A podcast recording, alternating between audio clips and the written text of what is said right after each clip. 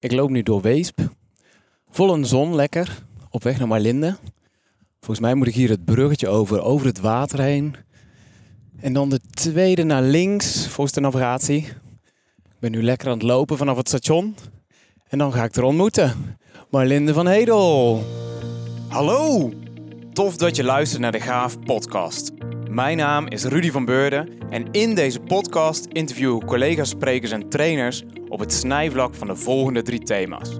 Public speaking, personal development en poen en purpose. Waarom? Omdat ik erg benieuwd ben naar hun antwoorden op de hoofdvraag van deze podcast. Hoe fix je een gaaf leven? Dus, ben je ook benieuwd naar antwoorden op deze vraag? Of ben je op zoek naar meer energie in je leven en meer helderheid in je hoofd? Zet je dan schrap, want hier komt een volgende aflevering. En wat me nu opvalt na vier verschillende interviews, is dat hoe je de vraag stelt natuurlijk ook heel kenmerkend en treffend is voor welke antwoorden je krijgt. Dus in de eerste vier interviews heb ik al een paar overlappende antwoorden teruggekregen. En dat is natuurlijk wel een call to action om hier en daar wat flink te veranderen in de vraagstelling. Want anders wordt het gewoon één grote eenheidsworst. En dat uh, kan niet de bedoeling zijn, want dan haken jullie allemaal massaal af. Ja, nu moet ik er bijna zijn. Ik zie de straatnaam en die hou ik nog eventjes voor me, want dat zou helemaal niet AVG-proof zijn natuurlijk. Oh, het is een heel schattig klein straatje. Zit ik goed? Hallo? Rudy. Zeker, altijd. We vallen gewoon met de deur in huis. En de rest kunnen we allemaal knippen als dat nodig is. Daar is ze. Hallo. Goedemiddag. Hoe is het? Ja? Hebben jullie een fijne dag samen?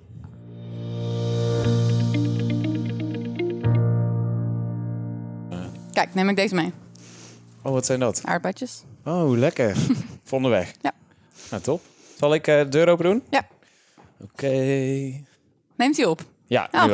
Oké, En jij hebt de huissleutels, toch? ik heb de huissleutel. Deurtje. Leuk. Oh, ik ben echt blij dat het zo goed weer is. Ja, heel chill. Nou, mag jij zeggen waar we naartoe gaan? Die kant uit. Alright. Wat een ontzettend mooi straatje is dit. Hoe oud is dit al? Echt 100 jaar, of niet? Ja, wel veel ouder, ja. Ja? Ik vergeet altijd het jaartal. Dat is wel... Het ziet eruit als 1890 of zo aan de bouwstijl. nou, Toch? Ik geloof je, ik geloof je. Ja, het Mooi. is echt eh, super authentiek inderdaad. Want we lopen hier door Weesp. En hoe lang woon je hier nu? Eh, in Weesp wonen we nu 2,5 jaar. En in dit huis wonen we sinds november. Cool. Ja, Dus je voelt je hier al wel helemaal thuis. ja super. Ja. Hele gezellige mensen, gezellige buren. Mhm. Iedereen zegt elkaar altijd gedag. Leuk. Ja. Hi. Dat is een buurvrouw. Ja, kijk. Niks gelogen. Leuk. En je woont samen met Paul nu? Ja. Leuk. Ja. En daarvoor, voordat je in Weesp woonde? Eh woonden we één jaar samen in Amsterdam. Mhm. En daarvoor eh, kenden we elkaar eh, een paar maandjes. Maar ik heb eigenlijk altijd in Amsterdam gewoond. Ik ben daar geboren, Mhm. dicht bij het Museumplein. Ah. En ik heb een jaar in Breda gewoond. Dus ja. Dat was wel een cultuurshock, of niet? Nou, ik vond het wel heerlijk om even van die toeristen te ontsnappen. En, ehm, maar ook wel heel erg na een jaar behoefte om terug te gaan. Ja. Dus, dan mis je eh, gewoon de drukte of... Nou, ik heb nu ook nog steeds dat het echt super druk is, maar ik voel me er wel thuis. Dus het is een soort basisgevoel. Als ik daar loop, dan denk ik, hmm, ja, wel Ja. fijn. Maar ook wel fijn dat ik daar nu voor mijn plezier kom en er niet meer woon. Ja. Ja. Maar je ouders wonen er nog, of niet? Ja, en mijn broer ook, ja. Cool. Tof. hey, waar lopen we naartoe nu? We lopen nu richting een parkje waar ik heel graag smiddags of 's ochtends of 's avonds, maakt echt niet uit, eh, lekker even wandel. Ja. Om lekker uit te zoomen en eh, ja, Cool. buiten te zijn. Hey, we gaan lekker met elkaar in gesprek. We hebben niks voorbereid. We zien wel waar we het over gaan hebben. Maar wat ik wel terughoor van luisteraars is van... hey, geef even een introductie. Wie is die gast? Hoe heet ze? Wat doet ze? Ja, dat kan ik natuurlijk voor jou gaan doen. Ik zou zeggen, Marlinde is een sprankelend verbindster. Want dat staat gewoon op jouw LinkedIn-profiel. Maar wat zou je eigen antwoord zijn? Ehm, ik denk een vrolijk, eh, vrolijk iemand. Heel veel enthousiasme. Die heel erg veel plezier haalt, eh, haalt uit het ontmoeten van nieuwe mensen. Het samenbrengen van mensen. Eh, zowel privé, werk, maakt allemaal niet uit. En eh, ja, heel veel heel blij is met haar familie en alle mensen om, om haar heen. Ja. Leuk. En ben je altijd vrolijk? Dat ik denk ben ik wel, vaak vrolijk, ja. dat zeggen meer mensen. ik, ja, ik ben vaak vrolijk. Tuurlijk niet altijd, dat hoeft ook niet. Mm. Maar uh, als ik jou zie, ben ik vrolijk. Oh, fijn. ja. ja, wij kennen elkaar nu denk ik drie kwart jaar of zo. Sinds de zomer van 2018. Want we zitten allebei in zo'n externe pool van facilitators bij Rijkswaterstaat in Utrecht. Mm -hmm. En uh, ja, dat is ook echt wel een wereld op zich. Daar doen we heel veel verschillende opdrachten op oproepbasis. Waar we ook uh, samenwerken vaak. Oh, wat leuk. Nu zwaai je naar die man. Ja. Die blog over. Ja, we lopen hier langs een verzorgingstehuis. En je hebt laatst een blog geschreven, toch? Over meneer Vrolijk. Ja, klopt. Die, en die zwaait altijd. En jij zwaait altijd terug. Ja, die meneer die zat net ook achter het raam. Ik zei tegen Rudy, als we langslopen, ga ik je nog even voorstellen aan hem. Dat is een man waar ik spontaan vorige week uh, een bloemetje ben gaan brengen. Ja, super grappig. En hoe heet je blog? Want dan kunnen mensen hem gewoon teruglezen. Oh, uh, hetluchtigeleven.nl. Hetluchtigeleven.nl. Ja. En dat is dan de blog van mei uh, 2019. Ja. Gaan we hier over het bruggetje? Ja. En wat ik echt heel bijzonder vind, wat je doet met die mensen bij LEF, eh, het onderdeel van Rijkswaterstaat waar we dan heel veel sessies doen. Ja, jij brengt daar zoveel energie en sfeer in, dat echt de meest Norse en traditionele mensen soms denken echt... wow, wat gebeurt hier? En er ook helemaal in meegaan. Hoe doe je dat? Ja, ik denk, ik denk heel erg door mezelf te zijn. Mhm. Vorige week had ik iemand meegenomen, een stagiair van een andere uh, opleiding, zeg maar, die is aan het afstuderen. En die zei: Wow, jij bent echt jezelf. Ik zie zo vaak trainers die een rol spelen. Toen zei ik: Oh, wat fijn dat je dat zegt. En dat is echt iets waar ik zelf achter ben gekomen. Dat het de enige manier is om mensen uh, te inspireren of in beweging te krijgen of dat ze zelf willen bewegen. Dus ik denk dat dat het is, ja. Echt jezelf. Uh... En ben je erachter gekomen omdat je wel ooit een rol hebt gehad? Of eh, is die er überhaupt nooit ingeslopen? Um, we kunnen hier op het bankje even zitten als je Oké, top. Um, ja, ik denk dat ik heel vaak uh, vroeger, of nou ja, niet eens zo lang geleden, denk zeven jaar, nou ja, begin twintig zeg maar. Toen, ik ben nu 31 voor de mensen, voor de mensen thuis. Die into leeftijden zijn. ja, uh, dat ik daar wel uh, uh, heel erg bezig ben geweest met wat andere mensen van mij vinden. En ehm, ja, op die manier eh, snel ook dingen aanpassen omdat iemand iets zegt, zeg maar. van, oh wacht, het moet anders of zo. En nu kan ik gewoon veel meer ja, naar mezelf luisteren en lekker mezelf zijn. Mm En uh, tuurlijk luister ik nog wel naar mensen, dat is het niet. Maar het, uh, het is wat minder uh, vanuit onzekerheid, meer vanuit vertrouwen. Ja. Ja. En dat is vanuit huis uit ook al meegegeven, omdat je ouders ook zo in het leven staan? Of? Ja, nou, sterker nog, vertel wel eens aan mensen. ik heb op een basisschool gezeten waar we ook meditatie kregen. Oh, wow. En filosofieles hadden. En voor mij was het heel normaal. Maar de reacties van mensen nu is echt zo, huh? wow. Um, ja, dus dat, dat was denk ik wel, uh, zowel daar als thuis. Mijn ouders die hebben daar ook een achtergrond in. Uh, hele fijne mensen. Echt ben super blij met mijn ouders en ook mijn broer. En uh, dat is wel echt een basis geweest voor dat we alles met elkaar kunnen bespreken. En ook vanaf ik heb een burn-out gehad in mijn 24ste. En dat heeft heel veel geopend, zeg maar. Alles wat ik heb geleerd, meegemaakt, ontdekt over mezelf. Dat ik dat ook thuis heb kunnen bespreken. En dat we daardoor een nieuwe, volwassen, misschien wel relatie met elkaar hebben mhm. ontwikkeld of zo. En uh, heel erg open. Met zowel je moeder als ook je vader? Ja, en mijn broer ook heel erg, ja. En dus ook met Paul en met andere mensen om me heen. Dat ik heel erg heb begrepen nu wat ik belangrijk vind. En mhm. uh, dat is denk ik ook de Marlinde die je nu voor groepen ziet staan, is, is de Marlinde niet, zou niet die Marlinde zijn geweest zonder die ervaring. Ja, want wat vond je toen belangrijk wat je nu niet meer zo belangrijk vindt? Nou, ik was, ik was echt, uh, waar we nu zitten op zo'n bankje. Ja. Ik zat nooit op een bankje in een parkje. ik was altijd bezig.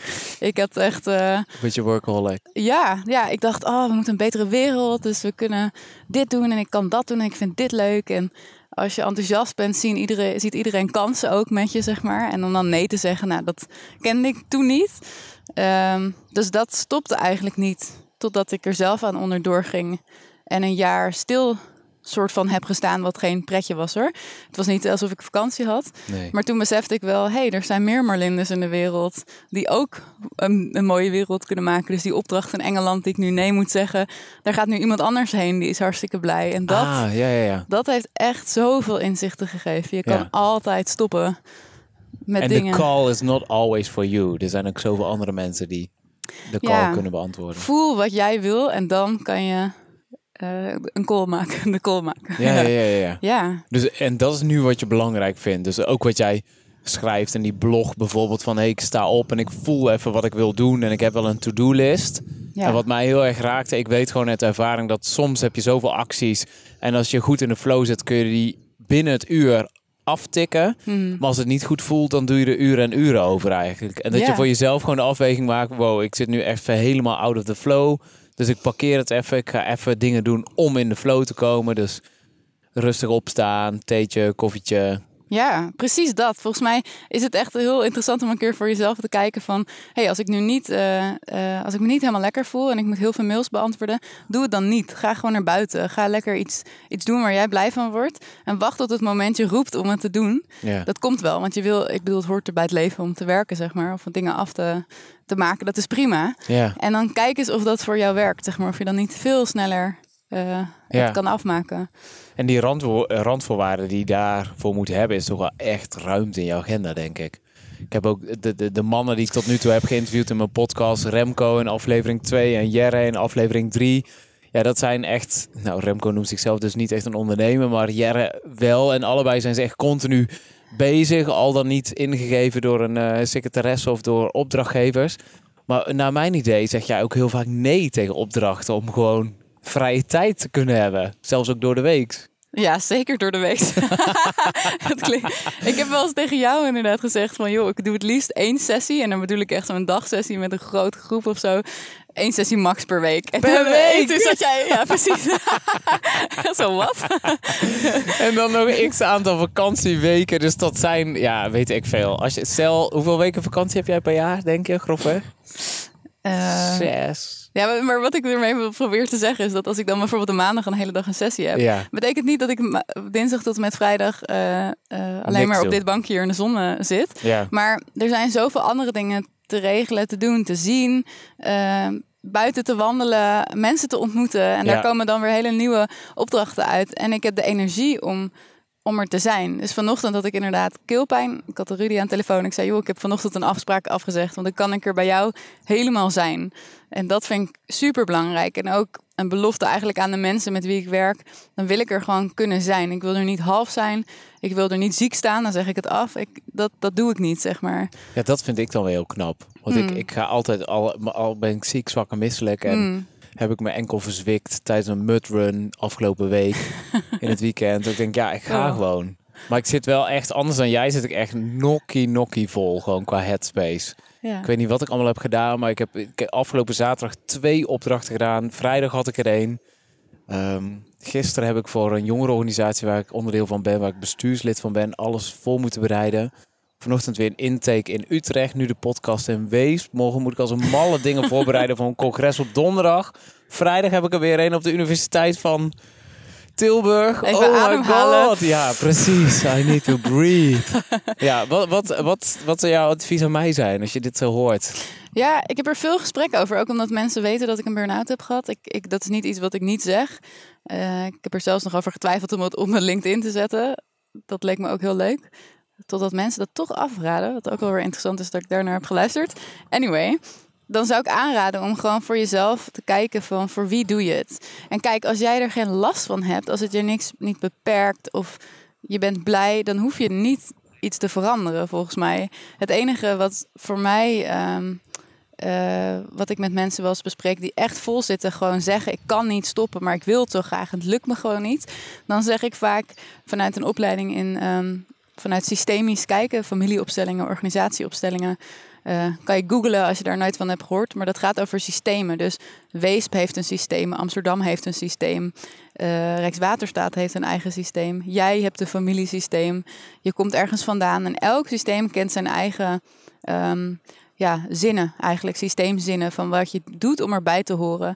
En bijvoorbeeld boerenfamilies hebben heel vaak, wij gaan altijd door, wij geven niet op. En dat zie je terug. En soms kan dat belemmerend werken, want dat Mhm. heeft een tijd gezorgd voor overleving van families. Ja. Maar soms ehm, is dat niet meer relevant vandaag, 2019, mei 2019. Ehm, en dan is het dus iets wat een beetje groter is dan jijzelf. En dat is dan heel interessant om te gaan onderzoeken. Ofwel in een gesprek, of in een moment met jezelf, met een coach of met je ouders. Gewoon te gaan bespreken van herkennen jullie dat? Om een ruimte te gaan creëren van, oh ja. Bij ons was het bijvoorbeeld familie is alles. En ik ging altijd naar alle verjaardagen. En het was gewoon niet te doen. Want wij hebben een hele grote... Ik ben een netwerker, maar mijn ouders ook. Oh, niet. Dus we ja. hadden zoveel vrienden. En elk weekend, iemand zei, elk weekend heb jij een verjaardag. Ik dacht, oh ja, dat is ook zo. Maar vond niet gek.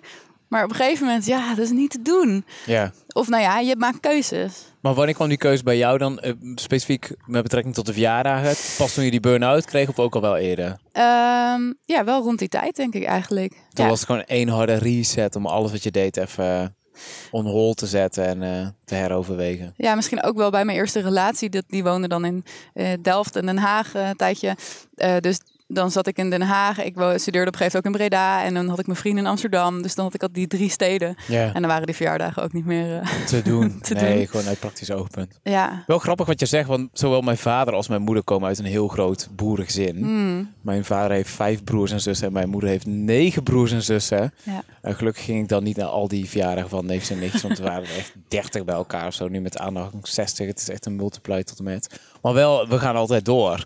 Mijn vader heeft ook zijn eigen loodgietersbedrijf en dat was gewoon aanpakken, hup, niet mouwen. Mhm. En ik ben ook in zo'n dip gegaan, en wat jij eerder zei over ik wil mijn burn-out op mijn LinkedIn zetten. Het is bijna alsof als je hem niet hebt, wat heb je dan wel gedaan, lijkt het bijna. Gewoon de andere kant van het spectrum. Heb je dat soms niet?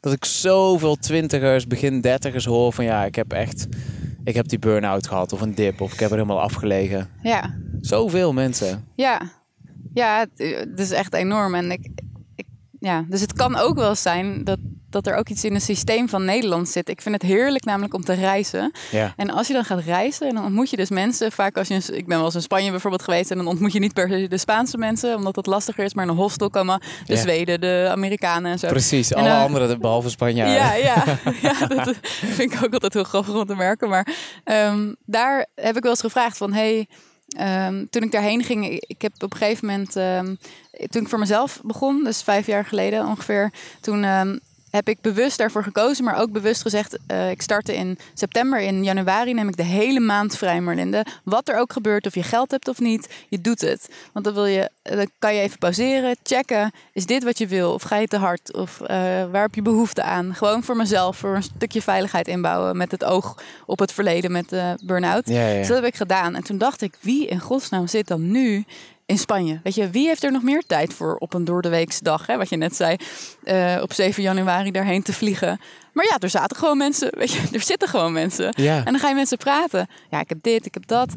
En toen besefte ik ook, alles is mogelijk. En in Nederland zijn er bepaalde verwachtingen. En elk land heb je dat ehm, vanuit het systeem, zeg maar. Dus ehm, als je in Amsterdam, als ik dat vraag aan een vriendin...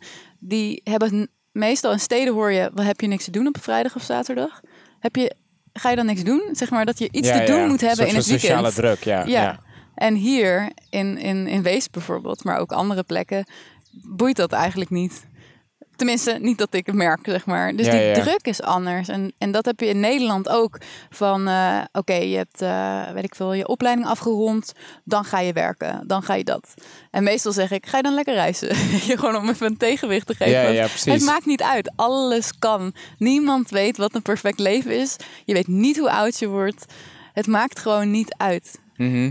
En de enige stemmetjes die je in je hoofd kan horen, die, die heb je zelf. Ofwel eh, zelf aangeleerd van, oh, ik werk niet hard genoeg. Ik verdien niet hard genoeg. Ik had nu al daar moeten zijn. Ja. Ik had nu al een gezin moeten hebben. Ik had nu al, nou, noem het maar op. Maar heb je dat helemaal dan niet meer? Of gewoon in veel zwakkere vorm dan de doorsnee Nederlander? Ik had vroeger echt een hele sterke stem. Dat ik echt heel erg bezig was met, oh, diegene vindt me raar of dat en dat. Eh, ik hoorde altijd wel iets, zeg maar.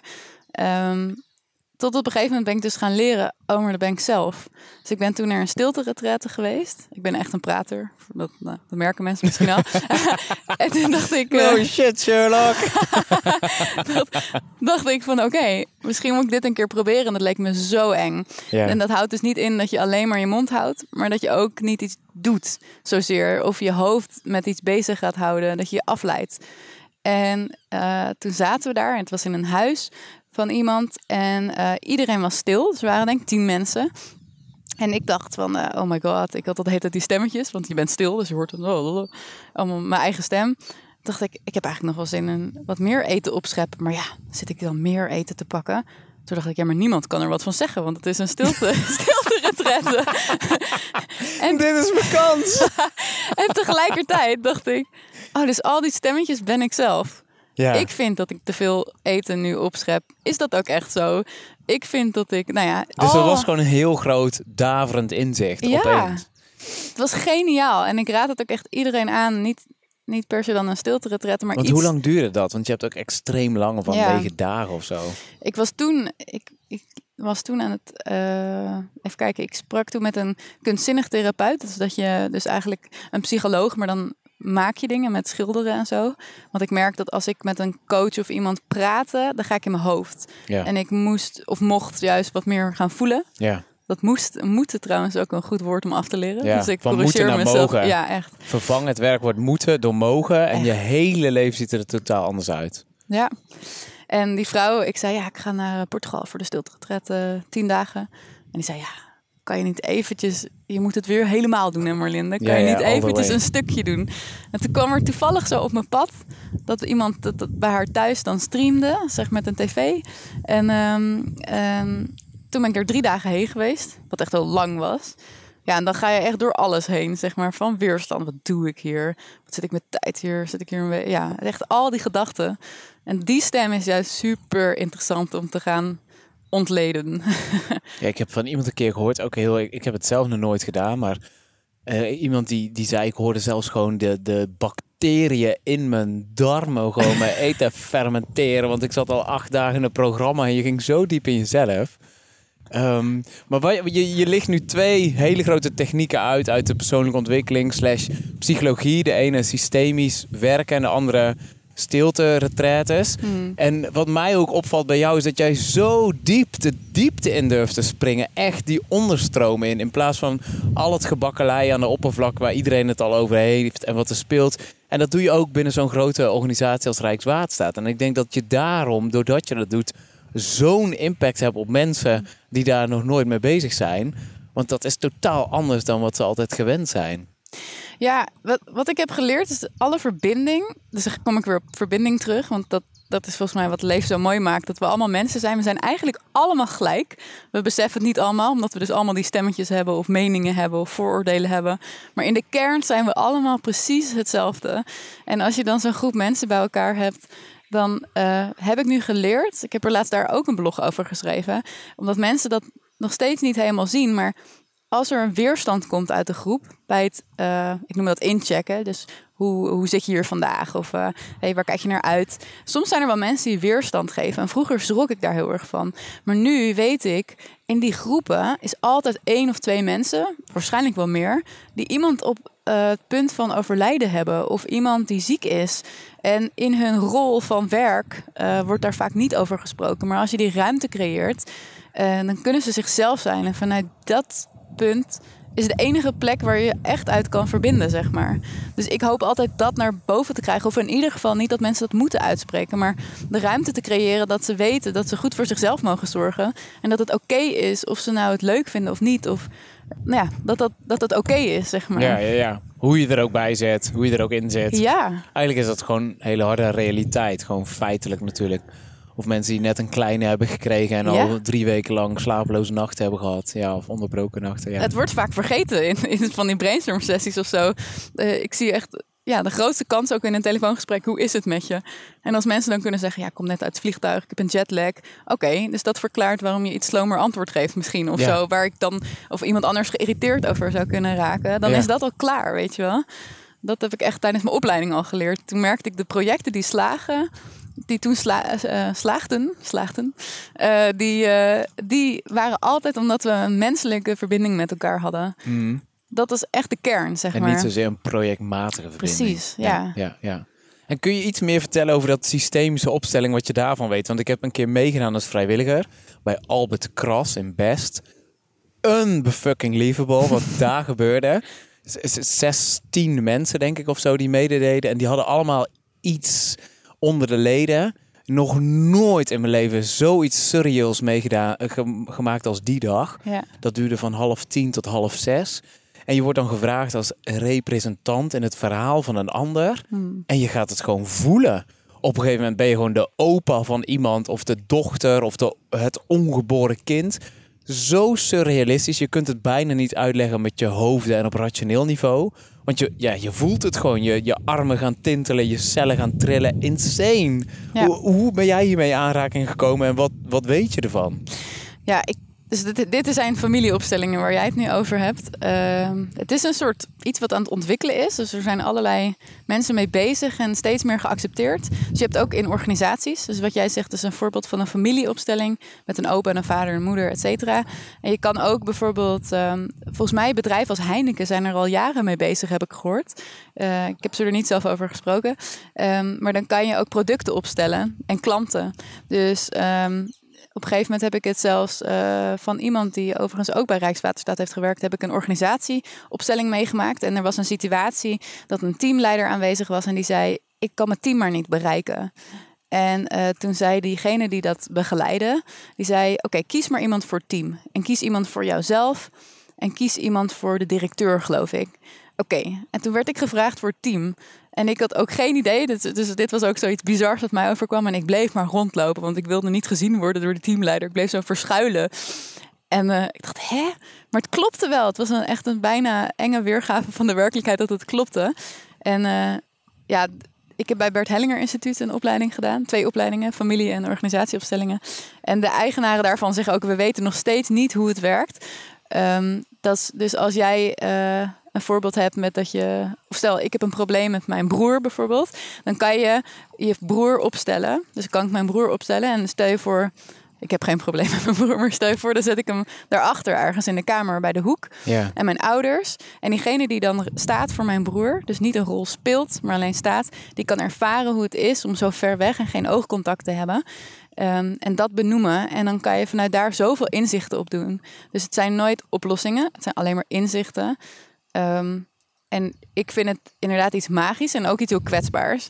Dus ik werk ook met opstellingen, maar niet meer zulke grote opstellingen. Omdat ik niet.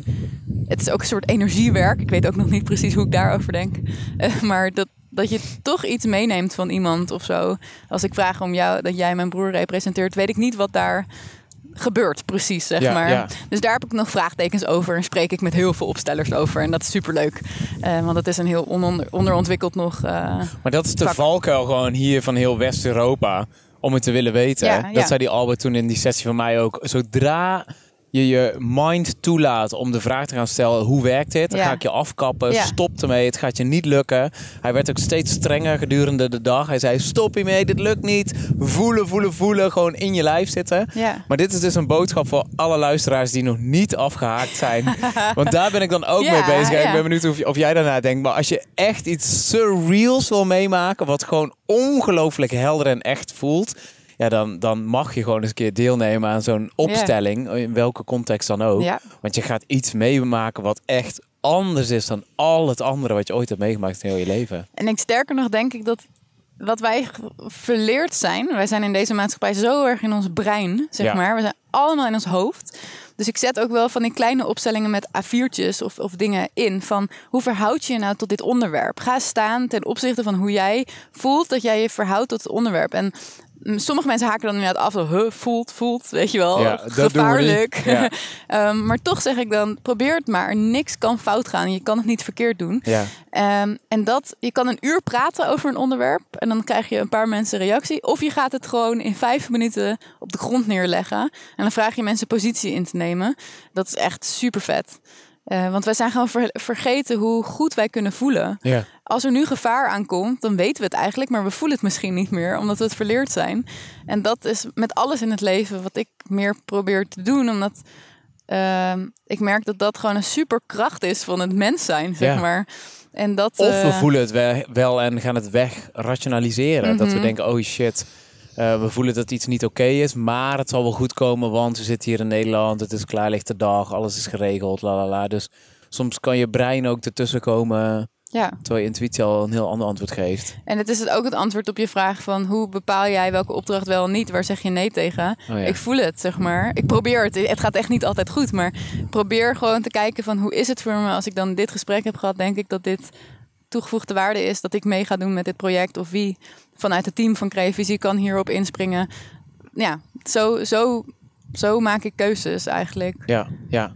Want dat noem je nu tussen neus en lippen door creavisie. Want dat is iets wat jij bedacht. Maar het is eigenlijk een soort van netwerkstructuur met allerlei... Je begint helemaal te grijnzen en te glunderen. Vertel, wat is het? Ja, het is, het is eh, mijn slash ons bedrijf eigenlijk. Ik heb het opgericht eh, toen ik nog studeerde, omdat ik gevraagd werd voor leuke klussen. En in dit geval brainstorm klussen met groepen mensen. En toen dacht ik, oh, wat heerlijk lijkt het me om geld te verdienen met iets wat ik leuk vind. Eh, niet veel geld, heb ik nooit geambieerd. Ehm, eh, maar gewoon echt te doen wat je leuk vindt. En de grote grap is ook, ik heb dus met organisatieopstellingen ook over het systeem van creavisie eh, kunnen hebben Ja. met oefeningen. En daaruit kwam naar voren elke keer als er bijvoorbeeld een eh, wat luwere projectenperiode aankomt. Dat als ik daar een beetje van ga stressen of daar iets aan probeer te doen. Dat ik bijvoorbeeld jou ga bellen van Rudy, heb je een opdracht voor me? Nou, dat heb ik nog niet gedaan, maar dat kan. Dan werkt het niet. En op het moment dat ik in mezelf zit op een bankje buiten en het accepteer, pff, word ik gebeld. Dat is altijd zo in de Ja, afgelopen jaren. Heb ik ook. Heb ik ook. Oh, het is echt. Dat is toch Ja, dat- vet. maar dat is een soort van universum of zo, waar Ja. ook hele stromingen van gelovigen achteraan lopen. En ik weet niet of ik zo'n sterke gelovige ben, maar Ik wel, Eh, ik wel. spreek het uit en het komt naar je toe. Ja. Gewoon laatst letterlijk ook bij een ding. Oh, toen had ik bijna weer een flaat. Toen stond ik als eh, eh, trainer slash dagvoorzitter voor de groep. En toen had ik een teamindeling gemaakt. Dat moest allemaal last minute. Toen had ik op zo'n speakbriefje geschreven. En door mijn chaotische manier van aanpakken toen had ik dat ergens neergelegd. En was ik het gewoon kwijt. Dat ik zei, oké, it's gonna get awkward. Met 50 mensen in de zaal. Maar eh, ja, ik ga het maar gewoon benoemen. Ik heb een speakbriefje gemaakt. Ik heb hem ergens neergelegd. Ik weet al niet meer waar. Ik heb al vier mogelijke plekken gecheckt. En toen zat er gewoon een vent helemaal links voor in, in het publiek. Zei, oh, bedoel je deze misschien? Nou, die had hem te pakken hoor. Spreek het uit en het komt naar je toe. En de grap was, uren later was de wrap-up van die dag. En dan kwam er iemand anders naar me toe. En die zei, ik vond het zo treffend dat je dat zei. Eh, spreek het uit en het komt naar je toe. Ja, het is een soort van universele basiswet of zo. Maar ja, het is wel zo. Als mensen weten wat je nodig hebt. Ja. Dat heeft ook gewoon te maken met, hey, wat wil jij eigenlijk doen in de rest van uw leven? Ja, vertel het maar tegen mensen, want dan kunnen zij het ook weer doorvertellen of erop anticiperen. Ja, een paar jaar geleden zei een vriendin over iets wat we samen deden. Het stroomt niet. En dat vond ik toen nog heel zweverig klinken. Ja, En nu eh, geloof ik het 100%. ja. Dus eh, ja, echt alles gewoon. Alles als, er, als je voelt dat er energie op zit, doe het, weet Ja, je wel. En ja. als je voelt dat je het niet helemaal lekker loopt, prima, laat het. En kijk even of er nog een vervolg op komt. Of doe het later Ja. met iemand samen, zeg maar. Weet je, het is echt oké. En zoek die verbinding met vette mensen waar je blij van wordt. Ja, het is zo simpel. Zo zonde van je jaren van je leven als je werkt met mensen die je echt helemaal leegtrekken inderdaad. En toch, als je dan dat grove filter hebt wat jij hebt om klussen aan te nemen waar je al waar je hart sneller van geklopt of waar je in gelooft, noem het hoe je het wil. Heb, ben je dan toch, als het al dan niet misgaat, ben je wel eens bang voor afwijzing? Is eigenlijk de vraag die ik heb. Van wie? Ja, van, voor als jij, als jij zo'n opdracht geeft, ga maar staan hoe het voelt. En mensen gooien een beetje de kont tegen de krip deelnemers in zo'n sessie. Ben je bang voor afwijzing dan? Nee. Niet? Nee, want ook afwijzing, als iemand niet helemaal meedoet, is het ook oké. Dat heb ik dus geaccepteerd. Oké, oké. ik ga nu ik ga de, de, de zwarte thinking head opzetten van de Bono, die ken je ook wel. Dit werkt misschien voor trainers als ons, die in zo'n soft skill gebied zitten. Maar ik hoor echt hele volkstammen aan de andere kant van de lijn roepen... ja, maar dat slaat nergens op als je zo makkelijk en losjes over dingen denkt. Eh, sommige dingen moeten gewoon gefixt worden. En ik geloof gewoon niet dat, dat je zoveel vrijheidsgraden in kunt bouwen dat alles oké is, dat alles goed is. Ja. Wat dan? Nou, ik denk zelfs hier misschien zijn mijn kritiekasse stemmen in mijn hoofd veel groter dan van jou. Je begint nu heel hard te lachen. zie.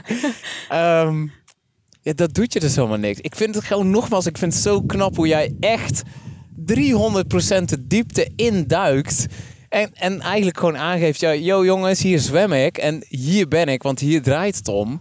En wat mij zo fascineert is dat zoveel technische lui, die ik ook heb gezien in die sessies, gewoon jou echt rukzichtloos volgen, omdat zij gewoon iets herkennen in jou wat zij waar zij zo'n behoefte aan hebben of zo.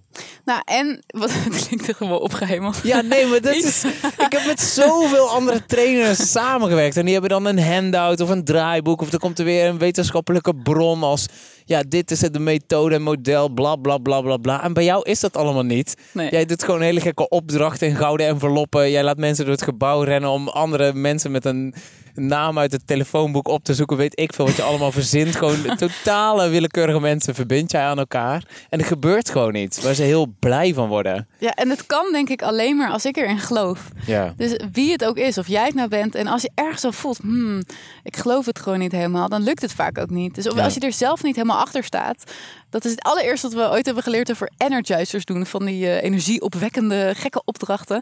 Als je dan een van de paardenrace moet gaan doen, nou ja, daar geloof ik gewoon niet zo in. Dat werkt dus ook niet. Oh, dat ze op zijn kie- knie gaan slaan. Zo naar links, naar rechts. Ja, heel het dus ik zou jou daar zo over vragen, maar ik weet dat ik dat niet zo overtuigend kan brengen als iemand anders. Dus dan doe ik dat niet. En Ja. zo is het denk ik met alles wat je doet. En eh, ja, dus met die, ja, ja, dat is het. Gewoon wat je doet, doe het als jij er goed bij voelt. Ja. Grappig, want eh, in mijn vorige podcastgast was eh Nathalie Mangelaars. En die middag stond ik met haar bij een heel groot bedrijf. En daar lieten we de young professionals verschillende pitches doen. Er waren 120 deelnemers en ze waren in groepjes van vijf. Dus er waren heel veel verschillende pitches die werden gegeven. En een van de jurycriteria was, do you believe in it yourself?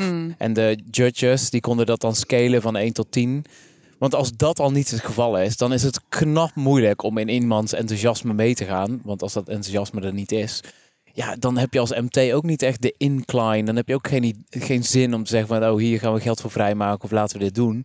Als iemand als er een zak hooi bij gaat staan. Dus dat ergens in geloven, Hmm. ja, erg belangrijk. En uiteindelijk is ergens in geloven gewoon in jezelf geloven.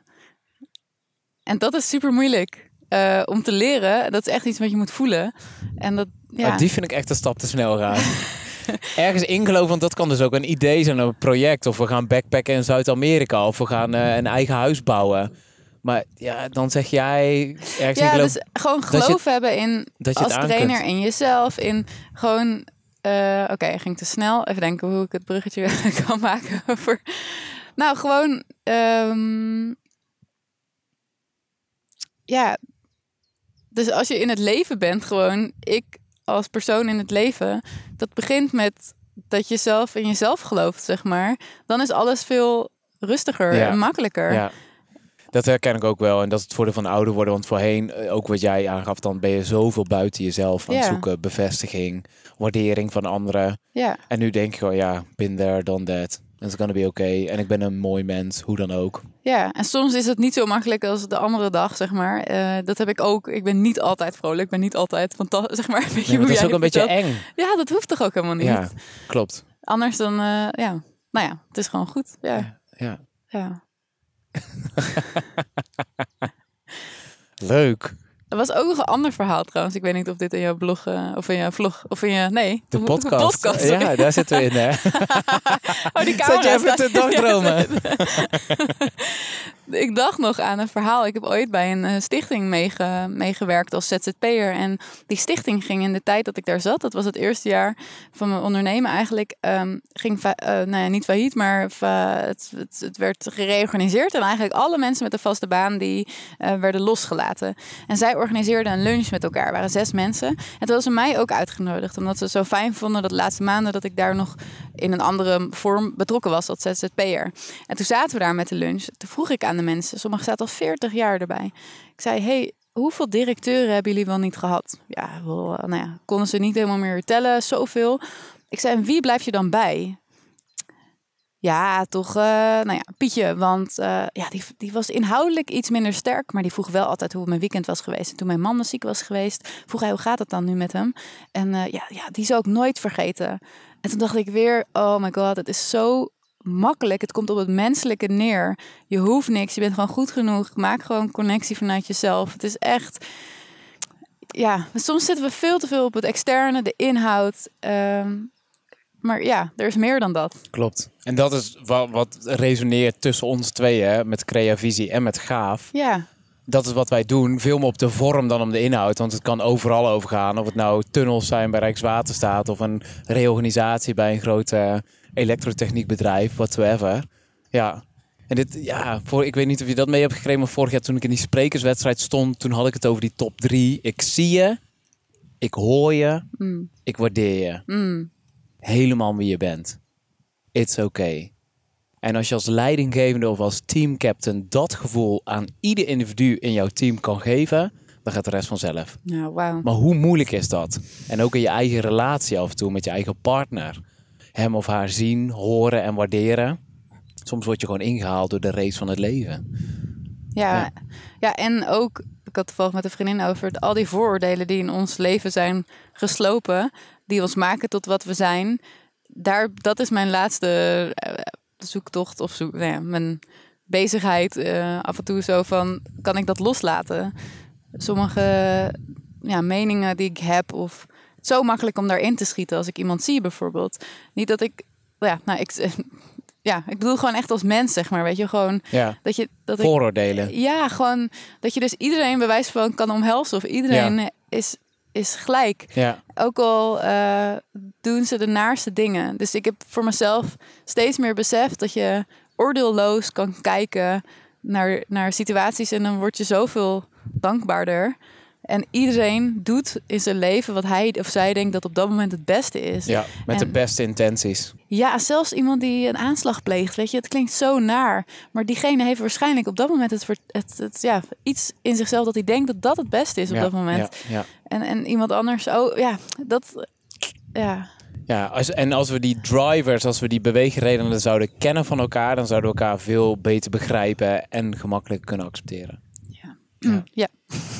We gaan hem zo afronden, Marlinde, want we zitten hier op een heerlijk bankje in de zon. Hoe heet dit watertje eigenlijk? Eh, ik denk dat dit hier de Wilhelmina-vijver heet. Of de... Nee, dat weet ik echt niet zeker. Er lag hier precies zo'n bootje vroeger.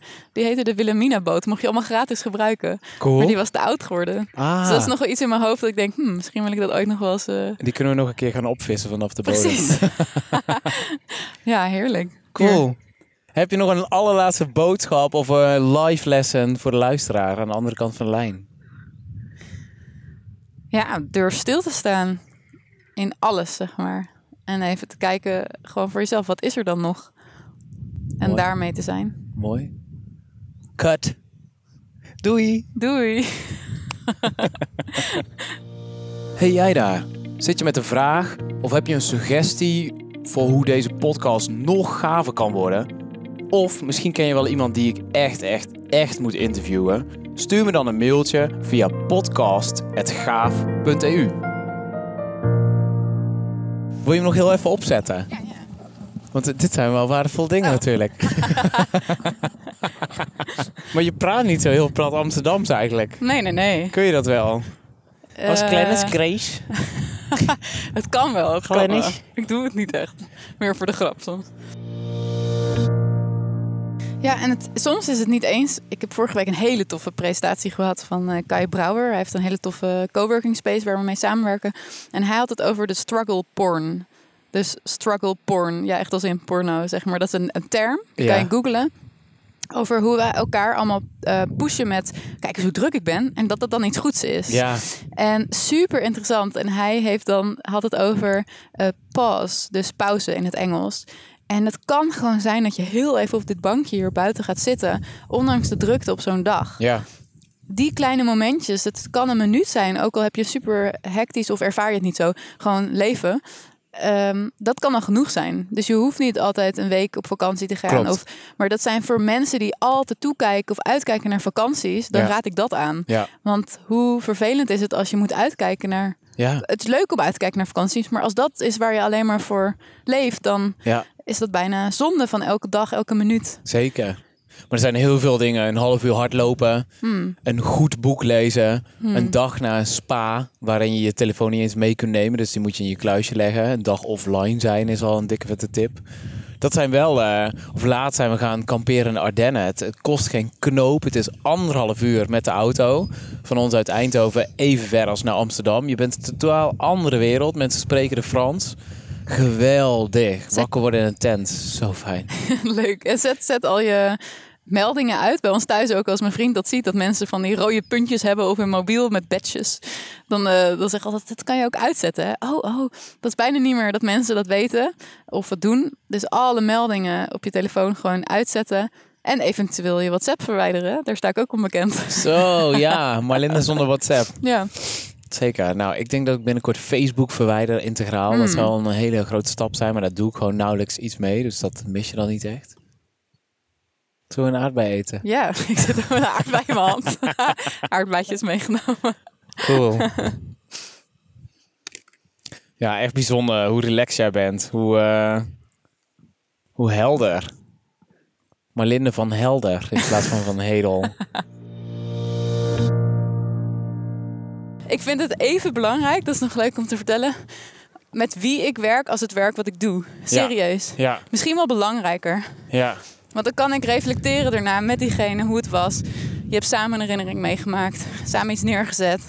Daarom vind ik het superleuk om met jou te werken. Oh, leuk. Ja, Ik ook met jou. En dat straalt ook echt wel af op de groep inderdaad. Heel als je erg. gewoon samen als team, als groepje zo'n eh, zo'n klik hebt. Ja, dat, dat merken de deelnemers ook. Van hoe je voor de groep staat. ja want dan stroomt het zeg Ja, maar in die taal tussen ons en Ja, ja, alles. ja. En dan, Met humor. ja. Ja, humor vind ik ook super belangrijk. ja precies. Echt, echt, ja. Cool. We zijn weer terug. Yes. Dit was hem Marlinde. Dankjewel Jij ook. voor het hele leuke gesprek. Dankjewel voor de uitnodiging, Rudy. Graag gedaan. Ja, We gaan op stop drukken. oké. Doe drie, het samen. twee, één.